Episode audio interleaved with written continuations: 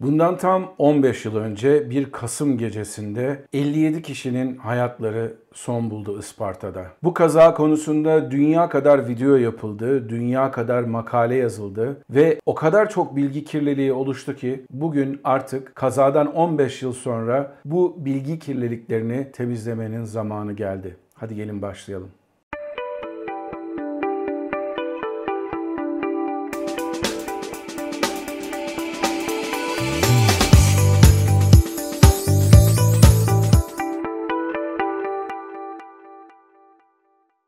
Herkese merhabalar arkadaşlar. Ben Kaptan Baha, Bahadır Acuner. Yepyeni bir Kaptan Baha videosunda sizlerle beraberiz. Eğer bu videoyu ilk defa izliyorsanız kanalıma ilk defa rastladıysanız ben Amerika Birleşik Devletleri'nde bir 747 pilotuyum ve havacılık hakkında yaklaşık 3 yıldır böyle videolar yapıyorum. Bu zamana kadar değişik kaza raporlarını yorumladım sizlere. Bu zamana kadar değişik kazalardan da söz ettim. Ama bugünkü kazanın çok özel bir yeri var. Her şeyden önce bu kaza olduğu zaman rastlantı sonucu ben Türkiye'deydim. Ve kaza olduğu andan itibaren de elimdeki olanaklarla gelişmeleri izlemeye başladım. Hatta kazanın olduğu akşam Tolga Özbek'le de beraber bayağı bir telefon görüşmesi yaptık. Kazanın neden olabileceğini Flight Aware sitesinden uçağın iz düşümünü takip ederekten ve aynı zamanda bunu yaklaşma chartlarıyla da bir anlamda üst üste koyarak nerede hata yapıldığını bulmaya çalışmıştım.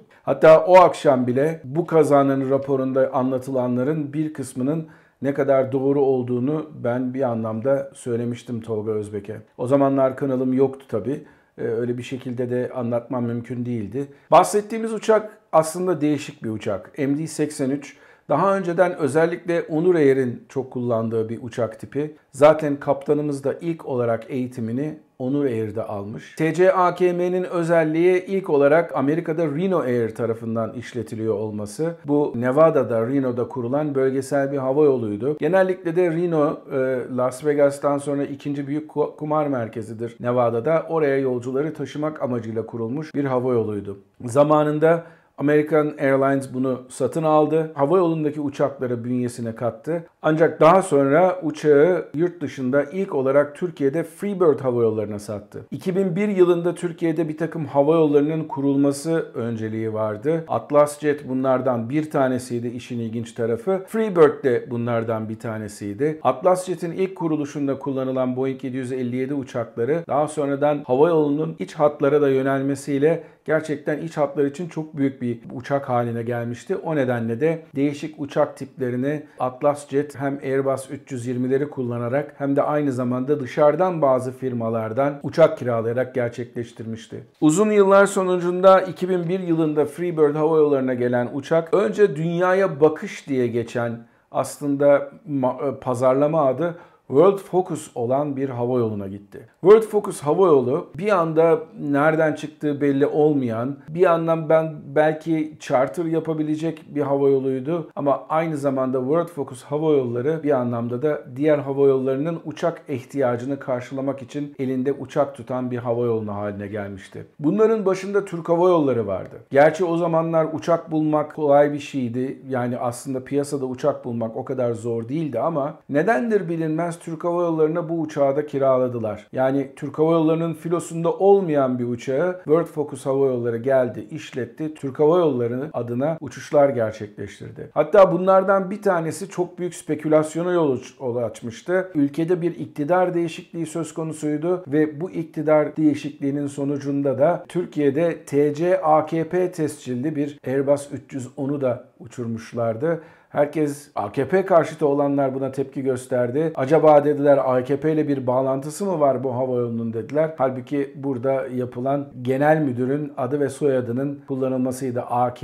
baş harflerinin ve arkasından da P'nin de Aydın Kızıltan pilot olduğu olarak açıklanmıştı. Şimdi iktidarla böyle yakın bir bağlantısı var mıydı bu World Focus hava yollarının bilmiyoruz ama ondan sonra ortaya çıkan en büyük spekülasyon bu uçakta hayatını kaybeden 57 kişiden aslında bizim için çok değerli bilim insanlarının kesinlikle ve kesinlikle öldürüldüğü yolundaki iddialardı. Şimdi bu iddialara baktığınız zaman bazılarının gerçekten akıl alacak türden iddialar olmadığını görebiliyorsunuz. İşte MD-83 uç uçağına Amerika Birleşik Devletleri uzaktan kumanda ile müdahale etmiş, uçağa çakmış vesaire vesaire. Veya uçağa sabotaj yapılmış. Uçağa sabotaj yapılanlar iki tane İsrailli birileriyle konuşmuş vesaire türünden bir sürü safsatayla dolu bir sürü haberler yapıldı. Özellikle YouTube'da bu konuyu kazımak isteyenler, kendilerini havacılık uzmanı olarak gören bazı insanlar böyle kemanlı bir müzikle videolar yaptılar. İşte gittiler oraları gördüler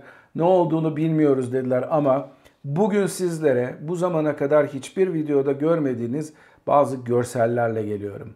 Ne mi bu görseller? Tamamıyla birkaç defa okuduğum ve en ince ayrıntısına kadar çalıştığım kaza raporuyla. Bu zamana kadar hiç kimse videolarında kaza raporundan alıntılar yapmayı aklına getirmedi değil. Çünkü bunu yaptığınız takdirde ne bileyim bazı duyguları kaşıyamayacaksınız duygu kasma denilen acayip bir terim var.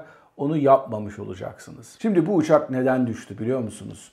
Hiçbir uçak hiçbir zaman tek bir nedenle düşmediği gibi bu uçakta tek bir nedenle düşmedi. İşte bu kaza raporu son derece uzmanlar tarafından son derece titizlikle benim gözümde hazırlanmış olan bu kaza raporunda uçak mühendisi var, endüstri mühendisi var, teknisyen var, kontrol pilotu olan yani pilotların uçuşlarda doğru uçup uçmadığını tespit etme yetkisine sahip bir sivil havacılıktan kontrol pilotu var ve bir kaptan pilot var. Bu kadar insan bir araya gelip kaza raporunda bir takım oynamalar, işte bir takım örtbas etmeler yapabilirler mi, yapamazlar mı? Buna siz karar vereceksiniz ama bu kaza raporundan alıntılar yaptıktan sonra ve bu kazanın neden olduğunu e, sizlere açıkladıktan sonra hala içinizde bir takım şüpheler varsa o zaman benim yapacağım bir şey yok. Kaptanlar kimlerdi?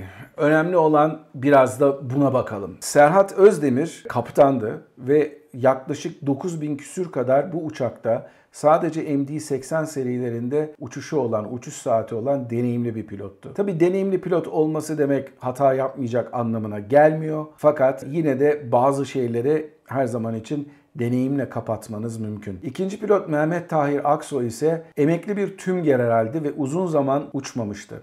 Havayolu tecrübesi hiç yoktu. Hava kuvvetlerinden emekli olduktan sonra belli bir zaman geçtikten sonra kendisi ticari pilot lisansı alıp o şekilde işe başlamıştı. Şimdi bu pilotların neden geçmişlerine gidiyoruz onu anlatacağım size.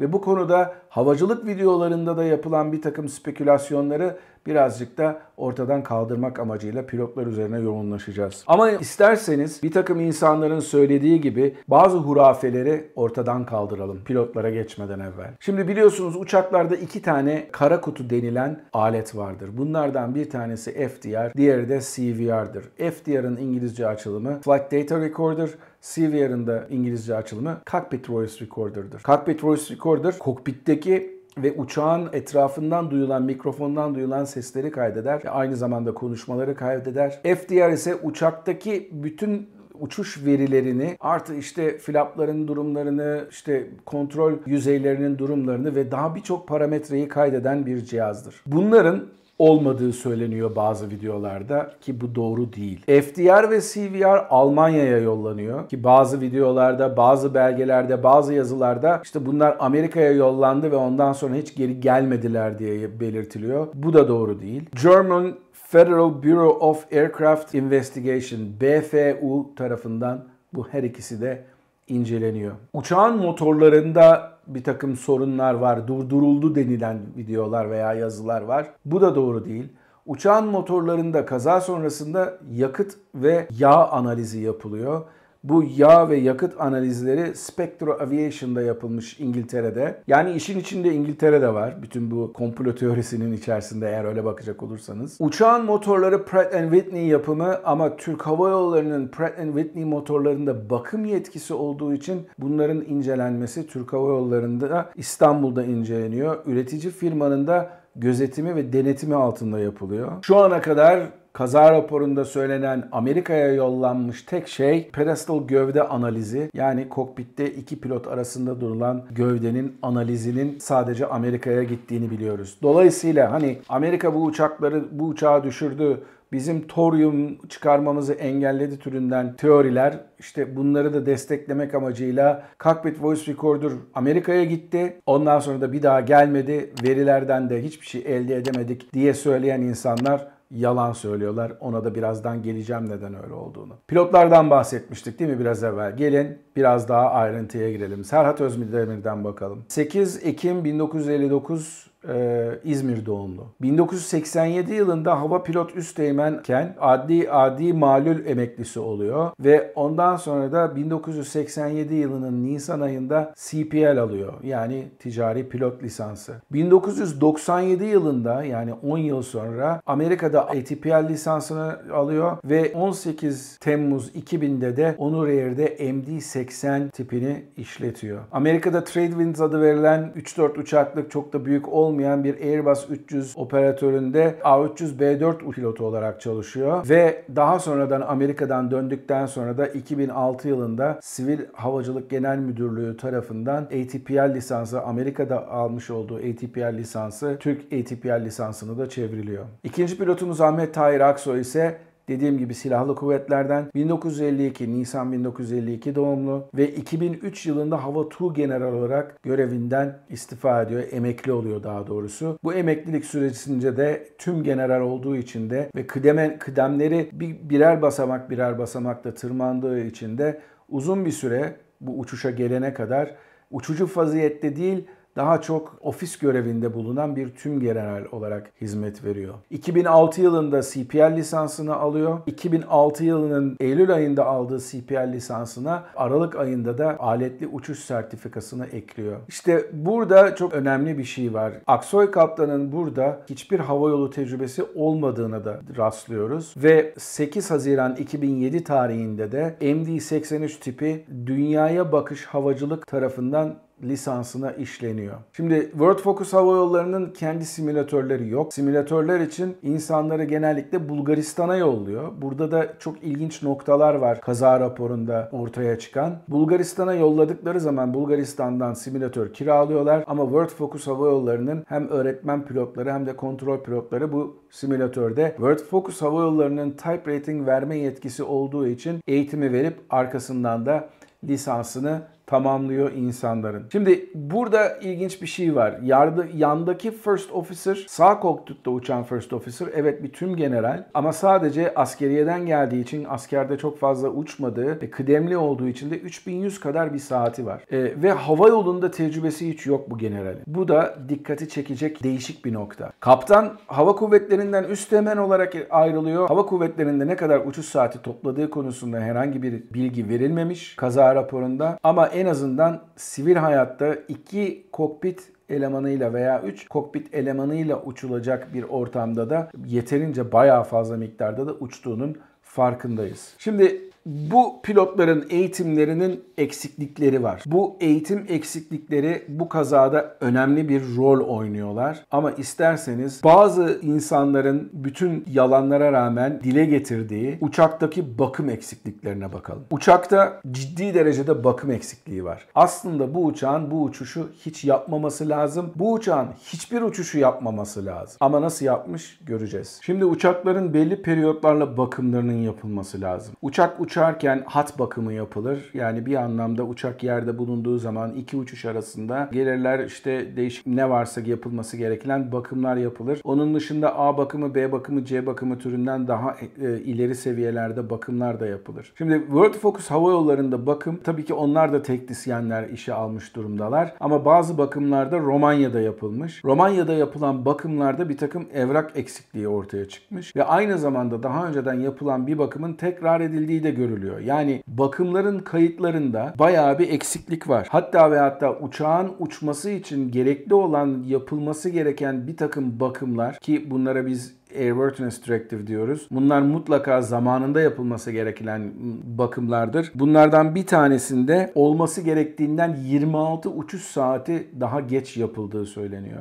Daha geç yapılması demek ne demek? Bu insanların, bu bakım yapan insanların çok da uçağın bakım gerekli olan bakımlarını yerinde de tespit edemediklerini gösteriyor veya onun yerine ya kardeşim şimdi uçağı bağlayacak mıyız bu bakımı yapmak için? Boş ver uçurun İstanbul'a gelince yaparız veya Romanya'ya gidince yaparız dedikleri türünden bir takım spekülasyonlar var. Hatta ve hatta Sivil Havacılık Genel Müdürlüğü 27 ve 28 Nisan tarihlerinde 2007 yılında World Focus hava yollarını denetlemeye gidiyor. Denetleme sonucunda iki tane birinci seviyede bulgu ve tam 15 tane ikinci seviyede bulguya ulaşıyor. Yani bunlar hatalar. Ee, yalnız öyle bir şey ki birinci seviyede bulunan bulgulara da hani siz burada hata yaptınız bir takım bakımda sorunlar var dedikten sonra Sivil Havacılık Genel Müdürlüğü bunları düzeltmeniz için şu kadar gün var diye havayoluna zaman veriyor. Fakat buna rağmen daha sonradan yapılan incelemede bu zaman verdiği zamanın da havayolunun tarafından tutturulmadığı ortaya çıkıyor. Bir de uçuşların nasıl gerçekleştirildiğine dair çok hazin, çok acı ve inanılmayacak derecede buna nasıl müsaade edildiğine inanılmayacak derecede hatalar var. Şimdi biz bir uçakta uçuş yaptığımız zaman uçuş defteri vardır. Uçuşla ilgili bilgileri oraya kaydederiz. Bunda bir takım uçuşla ilgili parametreler de vardır. Ne kadar yakıt harcadınız vesaire türünden ama en önemlisi o uçuş sırasında bir arıza yaptıysa bir uçak o zaman onu deftere yazmak zorundasınız ve bir sonraki kalkıştan önce bunun bir şekilde ya tamir edilmesi lazım ya da tamir edilmeden önce uçağın MEL denilen Minimum Equipment List denilen aletinden referans edilip uçağın uçuşuna devam etmesi lazım. Şimdi World Focus'ta bu yapılmamış. Söylenilen şu. Defter arızası yok. Pilot şifahi ifadesinde iki nolu motor B'de ignition yok diye söyledi. Yani motor aslında iki numaralı motorda yanma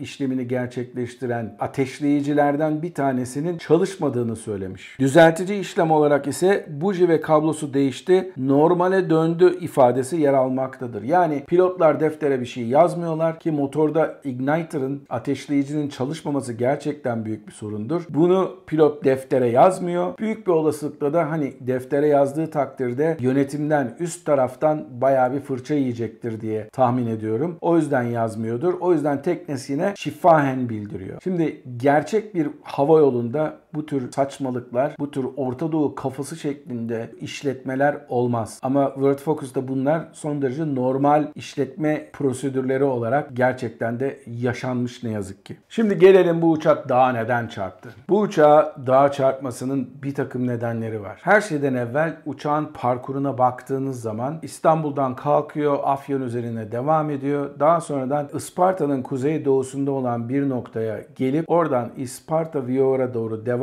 edip ve arkasından da procedure turn denilen kendisini şu anki grafikte de gördüğünüz bir şekilde yönünü değiştirip ondan sonra Vioar'ı takip ederek piste 05 numaralı piste girmesi lazım. Bu durumda bir hata yapıldığı takdirde ki ben bunu Flight Aware sitesinde daha kaza olduğu gecesinde görmüştüm. Bir hata yapıldığı söz konusu. Yani pilotların durum farkındıklarında bir takım sorunlar var. Bunu da anlamak mümkün. Çünkü ne kaptan pilot o kadar deneyimli olmasına rağmen ne de yardımcı pilot deneyimsiz ve aynı zamanda havayolu tecrübesi yok olmasına rağmen ilk defa Isparta meydanına gecenin köründe uçuyor. Antalya değil burası. Etrafında çok fazla ışıklar olan bir yer değil. Gece de bayağı karanlık bir gece. İşte o durumda sizin durum farkındalıklarınızda bayağı kötüye gidebiliyor ki bu durumda da gitmiş durumda. Ama tabii uçaklarda her şeyin birer backup'ı olduğu gibi Böyle bir prosedürde de yanlış yaptığınız takdirde sizi kurtaracak bir takım aletler var. Bunlardan bir tanesi de etrafı dağlık olan Isparta'da sizin dağlarını çarpmanızı engelleyecek Ground Proximity Warning System yani yere yakınlık konusunda sizi uyaran bir sistem var. Bütün uçaklarda olması gereken bir şey. Ama bu uçakta ne yazık ki yarı şekilde arızalı. Nasıl mı arızalı? Şimdi bu sistem size yere yakınlaştığınız zaman terrain, terrain diye size uyarı verir. Ve en sonunda da en son çare olarak size pull up diye uçağın burnunu yukarı çek ve oradan bir an önce ayrıl uyarısı verir. Terrain, terrain, pull up. Pull up. Saniyeler geçer sizin çarpmanız için ve sizin bu o durumdan kendinizi kurtulma, kurtarmanız için. Biz simülatöre her girdiğimizde bu tür manevraların pratiğini mutlaka ama mutlaka yapıyoruz. Eğitimde size eksiklikler var demiştim ya ben size. İşte kaza sonucunda ortaya çıkan raporda bununla da ilgili bir şey var. CFIT denilen Controlled Flight into Terrain yani kontrollü bir şekilde yere doğru uçması pilotların her zaman için yaşayabileceği risklerden bir tanesidir. Bu konuda eğitim süresince ne First Officer'a ne de kaptana hiçbir eğitim verilmemiş. Simülatörde bunun eğitimi verilmemiş. Simülatörde verilen eğitimlerde bir takım aksaklıklar var, yanlışlıklar var. Ve en önemlisi uçağın havayolu işletmecisi tarafından verilmesi gereken, uçak aynı zamanda yolcu taşırken öğretmen pilotla uçulması gereken bazı uçuşların yapılmadığını da görüyoruz. Tabi bunlar bütün hepsi bir bütünün bir parçası. GPWIS sisteminde arıza aslında sistemin kendisinde değil, aslında buradaki sistemde pilotu uyaran bir sistemde bir hata var, bir arıza var. İşte bu nedenle de pilotlar yanlış yöne saptıkları halde, daha yaklaştıkları halde ne yazık ki sistem bunu tanıyor fakat kendilerini uyaramıyor. İşte bu sistemi de uçaklarda uçuşa başlamadan evvel sizin testini yapmanız lazım.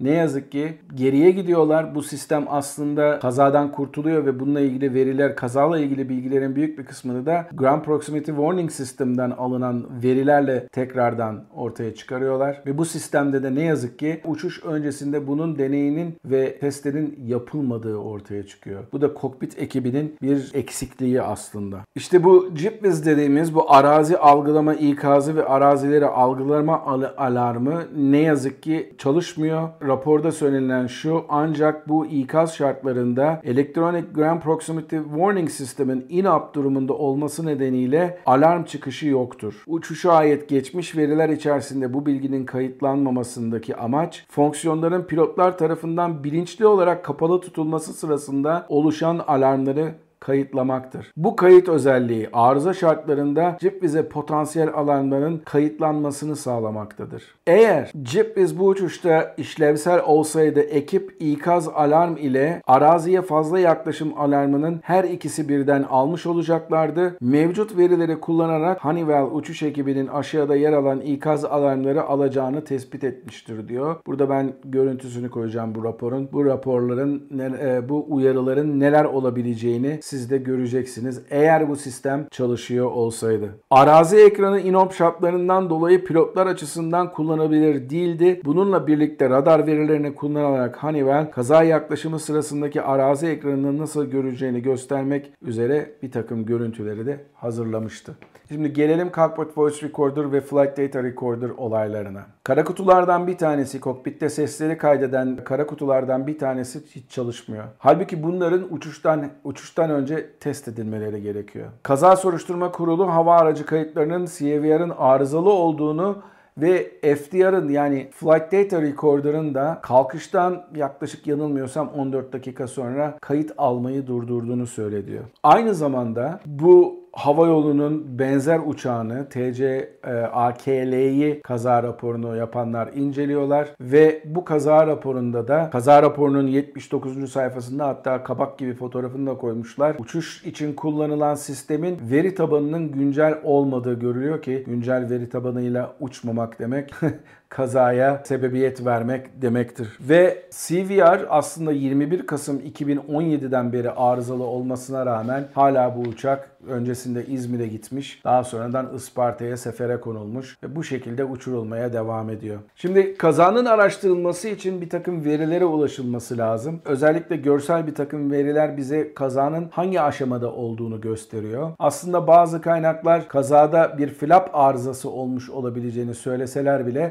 bununla ilgili bir veriye rastlanmıyor. Çünkü her şeyden evvel bunu kaydedecek bir veri tabanı yok. FDR çalışmıyor. Bununla ilgili pilotlar arasında ne konuşma geçti onu bilmiyoruz. CVR çalışmıyor. Zaten 21 Kasım'dan bu yana kim bilir kaç tane uçuş yapmış. Ve önceki İzmir uçuşunda da flap sorunu yaşanmadığı biliniyor. Bunun verileri indirilmiş ve bunun yapılan görüşmelerde herhangi bir flap sorunu yaşanmadığı ortaya çıkmış. Bu uçuşta olabilir miydi? Olabilirdi. Ama uçak gerçekten hani böyle böyle topal bir uçak diye söyleyebiliriz. Çalışması gereken ve en azından uçması için gerekli olan İki tane değişik alet CVR, Cockpit Voice Recorder ve aynı zamanda Ground Proximity Warning sistemlerinin çalışmadan bu uçağın uçuşa verilmesi biraz da yük pilotlara binecek ama aslında bu, bu şirketin nasıl bir işletme mantığının çok daha iyi bir göstergesi olarak ortaya çıkıyor. Şimdi size tekrardan eğitime döndüreceğim. Şimdi eğitimde şöyle bir şey var. Yapılan World Focus'un kendi manuellerine göre yapılması gereken şu. İnsanlar uçuş eğitimlerini alıyorlar bir pilot işe girdiği zaman. Bunları simülatörde alıyorlar ve daha sonradan da 100 saat kitapta yazan bu. 100 saat öğretmen pilotla hatta uçması gerekiyor pilotların. Fakat İşin ilginç tarafı pilotlardan bir tanesinin Bulgaristan'daki eğitim sırasında iki değişik türü den eğitimi aynı zamanda aldığı ortaya çıkıyor. Yani şöyle anlatayım ben size. Bir gün araba motoruyla ilgili bir derse gittiniz, ehliyet alacaksınız. İkinci bir günde onu tamamladıktan sonra arabaya direksiyon eğitimi almaya gittiniz diyelim. Bunların ayrı günlerde olması mantıksal açıdan gerçekten gerekli olan şeylerdir. Yani hem motor eğitimini hem de direksiyon eğitimini aynı günde almanız son derece derece mantıksız gelir insana. Bu da öyle bir şey işte. Yapılan eğitimler o kadar acayip ki 25, 26 ve 27 Mayıs tarihlerinde 2007'de pilotlardan bir tanesine FO'ya Tahir Aksoy kaptana hem MCC eğitimi verilmiş yani bu çoklu pilotlu uçulan uça- uçaklarda nasıl uçulacağına dair bir eğitim verilmiş. Hem de emergency eğitimleri verilmiş. Yani bunların bir arada olması mümkün değil. Zaten olmaması da şartı var. Ayrıca bu pilot daha sonradan hat eğitiminde 100 saat uçması gerekirken 100 saati biraz geçmiş. Onda bir sorun yok ama bu sefer de kaptan pilota geliyoruz. Kaptan pilotun öğretmen pilotla yaklaşık 100 saat uçması gerekirken sadece ve sadece 18 saat uçması ve ondan sonra tamam kardeşim sen zaten uçtun bu uçağa geçtiğimiz hava yollarında tamam sen devam et seferlere öğretmen pilota da gerek yok diye belki de işin savsaklandığının en büyük göstergelerinden bir tanesi. Bu raporda 157. sayfada gerçekten dile getiriliyor. Hat eğitiminden de bahsettim. Hat eğitimi çok acayip. Gerçekten de kaptan pilotun bu kadar az hat eğitimine tabi tutulmuş olması açıklanabilir tarafı yok. O kadar çok hata var ki bu kazayla ilgili, hava yolu ile ilgili ve gerçekten de yapılan kaza, e, yazılan kaza raporu gerçekten iyi bir kaza raporu. Soruşturma Kurulu'nun yapmış olduğu çalışmalarda özellikle şöyle deniyor. Uçuş harekat prosedürleri, uçuş emniyeti, el kitapları yani hava yolunun el kitaplarında, loglarda, kayıtlarda ve hava aracı bakım uçuş harekatında ve emiyel yani uçakta çalışmayan aletlerin çalışmaması durumunda ne yapacağını size öğreten kitaplarda ve başka konularda çok büyük bir zayıflık tespit ediyor kaza kurulu. Şimdi bu kadar hata bir araya nasıl gelebilir? Yani siz el kitaplarınızda eksiklik varsa eğer bu el kitapları siz hava yolunu kurduktan sonra Sivil Havacılık Genel Müdürlüğü tarafından onaylanıyor. Bunlara bakıp nasıl onay vermişler diye insanın sorası geliyor ama cevabını da bilemiyoruz şu an. Kaza raporunun 166. sayfasında madde madde yazılmış nelerin eksik olduğu, nerelerde hata yapıldığı, örneğin CIPBIZ'in çalışmaması durumunun no-go item olduğu yani o çalışmadığı takdirde uçağın uçmaması gerektiğini altına üstünü çize çize anlata anlata bitiremiyorlar. Kazanın kaza raporunun bir sürü yerinde var. E, 30. maddede flapların arızalı olup olmadığının tam olarak bilinmediğini ama yine de arıza olmadığını tahmin ettiklerini belirtiyorlar. İşte eğitime geliyoruz tekrar. Bu yaşadıkları CFIT yani Controlled Flight into Terrain kontrollü bir şekilde uçağın yere çarpması durumundaki risklere karşı bu iki pilota da havayolu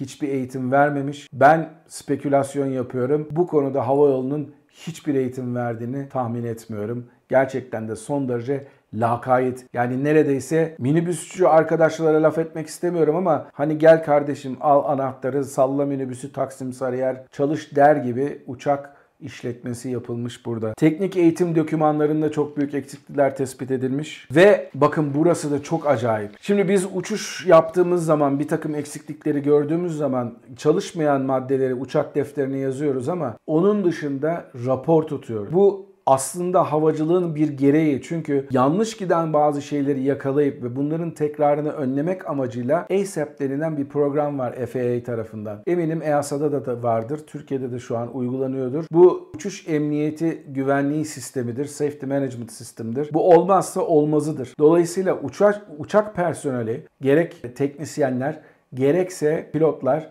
bu tür aksaklıkları gördüğü zaman rapor tutmak zorundalar. Gördükleri aksaklıkları raporlara yazmak, bunları bildirmek zorundalar. Ama işte ne var burada biliyor musunuz yazılanlar arasında? Bunu da ekrana göstereceğiz. Maalesef mi maalesef uçucu personelin yazmış olduğu bu raporlar yönetim tarafından dikkate alınmadığı gibi bu raporlara ulaşılamamış bile. Yani bir anlamda siz raporu yazıyorsunuz, yönetim alıyor bakıyor, ne uğraşacağım ya diyor atıyor gidiyor.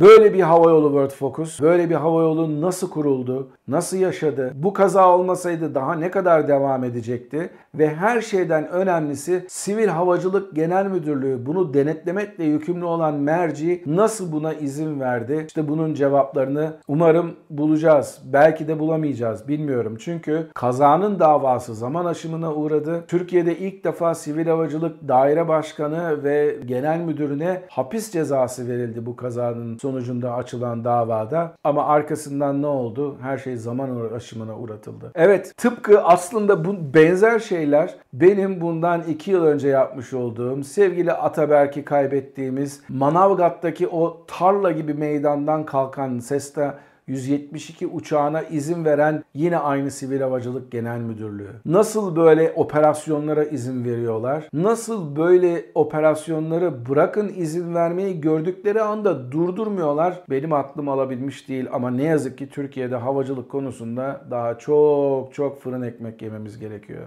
Evet, Atlas Jet'i Amerikalılar İsraillilerle bir araya gelip Almanlarla da cockpit voice recorder'ları saklayarak düşürdüler uzaktan kumandayla. Eminim öyledir. İşte bu kadar içimizde saçma sapan hava yolları, saçma sapan işletmeler olduğu müddetçe bu ve benzeri kazaları ne yazık ki görmeye devam edeceğiz. Aradan 15 yıl geçmiş olmasına rağmen bir takım aksaklıkları işte dediğim gibi birkaç yıl öncesinden bir e, genel havacılık olayından bahsederek öne sürdüm. Ama umarım sivil havacılık 15 yıl önceki sivil havacılıktır. Ne de hava yolları artık bu şekilde uçuyorlardır. Gönlümden dilediğim tek şey bu. Bugün uzun bir video oldu. Atlas Jet kazasıyla ilgili up uzun size açıklamalarda bulundum. Hala siz bunun bir komplo teorisi olduğunu düşünüyorsanız size söyleyecek tek bir şeyim var.